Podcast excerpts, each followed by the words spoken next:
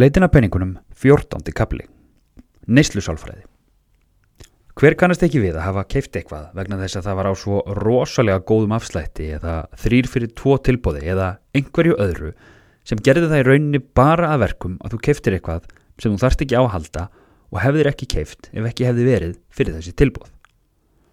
Við konumst öll við þessa tilfinningu og hún er ekki þægileg. Hún stafar að miklu leiti af því að við upplifum að við höfum verið plötuð. Og það er alveg rétt. Við vorum plötuð til að láta af hendi peninga sem við unnum fyrir í skiptum fyrir eitthvað sem við þurfum ekki og viljum ekki. Það eru dæmi um það hvernig auglísendur og markasteildir fyrirtækja plata okkur. En annað dæmi er þegar þú ferðinn á hótelbókuna síðuna og hún segir þér að það er bara eitt herbergi eftir á þessu frábæra verði og það eru sjö aðrir að skoða það. En einhvern veginn virðist þú alltaf náði. Eitt það verstar sem við getum gert ef við ætlum okkur að verða aðeins betur með peninga er að sóa þeim í óþarfa. Þetta hljómar ótrúlega einfalt og auðvelt en þegar við horfumst í augu við okkur sjálf þá sjáum við að töluvert af okkar útgjöldum eru útgjöld í óþarfa. Þegar við vilja halda það þá erum við mannfólkið ekkert sérstaklega lógísk. Við erum ekki uppfull af raukhugsun og gaggrinninni hugsun og skinnsemi allan daginn frá því að við vöknum og þangar til við förum að sofa. Eðlilega, ef við myndum velta fyrir okkur og vega á meta hverja einustu ákvörðun og hverjum einasta degi þá myndum við ólíklega komast út úr húsi áður en að dagurum er í búin. Þess vegna grípum við til þumalputtaregluna sem sálfræðingar kalla á útlensku heuristics. Dæmi um þetta er að ég kaupi alltaf sama morgunkornið í sömu búðinni. Ég fer alltaf sömu leið í vinnuna. Ég sitt alltaf á sama stað í sófanum fyrir framann sjónarpið. Ég skoð alltaf sömu vef vefsíðunar þegar ég mæti í vinnuna á mótnana. Ég drekk kaffi mitt alltaf með mjölk. Ég fer fyrst í vinstri sokkin, síðan hægri. Ég kaupi alltaf sama tekjóið. Ég hef í tíu ár alltaf keft sömu tegundina af síma. Og ég panta alltaf eins pítsu. Allt þetta er fullkomlega eðlilegt því ef ég myndi velta öllum þessum hlutum fyrir mér þá kem ég engu í verk.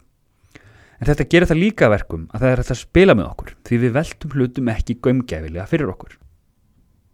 Þetta vita kaupmennir og íta á ákveðna takka í hausnum okkar til að láta okkur gera hluti sem við tækjum ekki yfirvegarða ákvörðun um að gera. Þetta dregur fram meira en nokkuð annað að við nálgumst fjármál ekki alltaf út frá raukoksun heldur oft og kannski miklu oftar en ekki út frá tilfinningum og upplifunum. Sálfræði, sem þetta er ángi af, er ótrúlega heillandi viðfangsefni. Ekki bara fyrir fólk sem vil verða betra í fjármálum, heldur líka fyrir fólk sem er forvitið um hvernig við nálgumst margt í okkar samfélagi. Í því samengi bendi ég þér á að hlusta á þáttin Sátt manneskja kaupir sér ekki neitt í leitin eða peningunum. Það ræði ég við Rögnu Benediktu Garðarstóttur, nú prófessor í félagssálfræði við Háskóla Íslands, um þessi mál og alls konan rannsóknir og tilraunir sem hafa verið gerðar á þessu áhugaverða viðfangsefni. En aftur á peningunum. Peningar eru tæki sem gerur okkur kleift að eignast hluti sem við og fjölskylda okkar þurfum á að halda til að komast af. Mat, húsnæði, född og fleira þess áttar. Þetta má setja inn í hinn svo kallaða þarfapíramíta Maslows. Fyrstu tvö þreppin í honum eru grunnþarfinnar og mörgum finnast útgjöld þeirra aðalega að fara í þessi þrepp. Raunveruleikin er hins vegar ekki alltaf þessi. Hvað er það sem hefur mest áhrif á kaupöðun okkar? Þegar við horfum á þá krafta sem stjórna eðslunni okkar þá teiknast kannski upp allt önnur mynd. Okkar einn tilfinningar eru eitt sterkasti og jáfnveil sá allra sterkasti kraftur sem verkar á kauphauðun okkar. Kauphauðun okkar mótast að miklu leiti í æsku.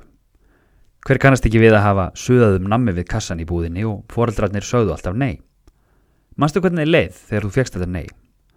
Og nú, þegar þú ræður því loksins hvað þú gerir við peningana þína, þá lætur þú kannski allt og oft undan því að fá þér nammið sem þið var bannað í æsku.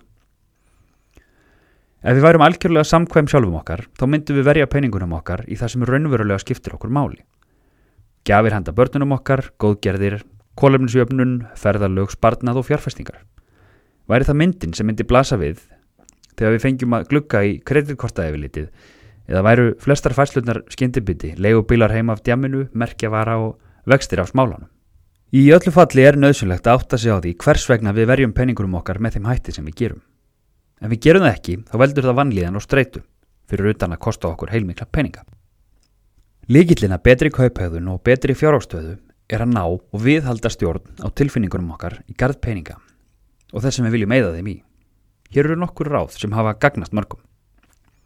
Hugsaðu til framtíðar. Sparnaður í dag þýðir ávinningur í framtíðinni og þar á leiðandi minna álag í dag. Þegar þú ákveður að kaupa nýjan síma fyrir 100.000 krónur, þá skaldu spyrja þig hvaða áhrif kaupin hafa á þig eftir 30 ár. Símin verður löngu orðin fordgripur en ef þú fjárfestir eða greiðir niður skuldir fyrir peningana, þá verða þessar 100.000 krónur orðnara miljón krónum miða við 8% ávöxtun á þessum 30 árum.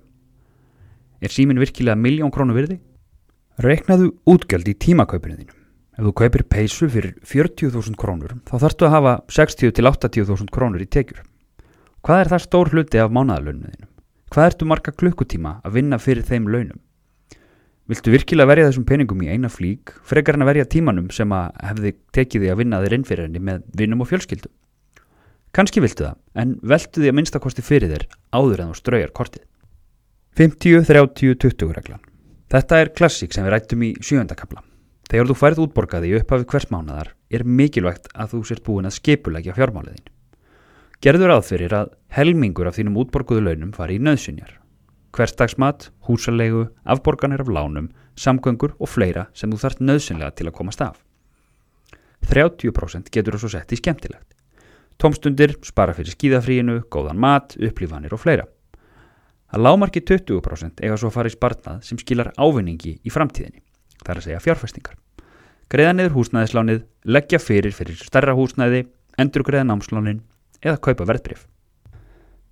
Þetta eru bara örfáar einfaldra leiðir sem við getum nýtt okkur til að brinja okkur fyrir ágangi sölumanna og markasnillinga sem öll hafa það að markmiði að láta þér líða eins og að þér muni ekki líða vel fyrir að þú lætur vinnuveitendur þeirra hafa peningana þína.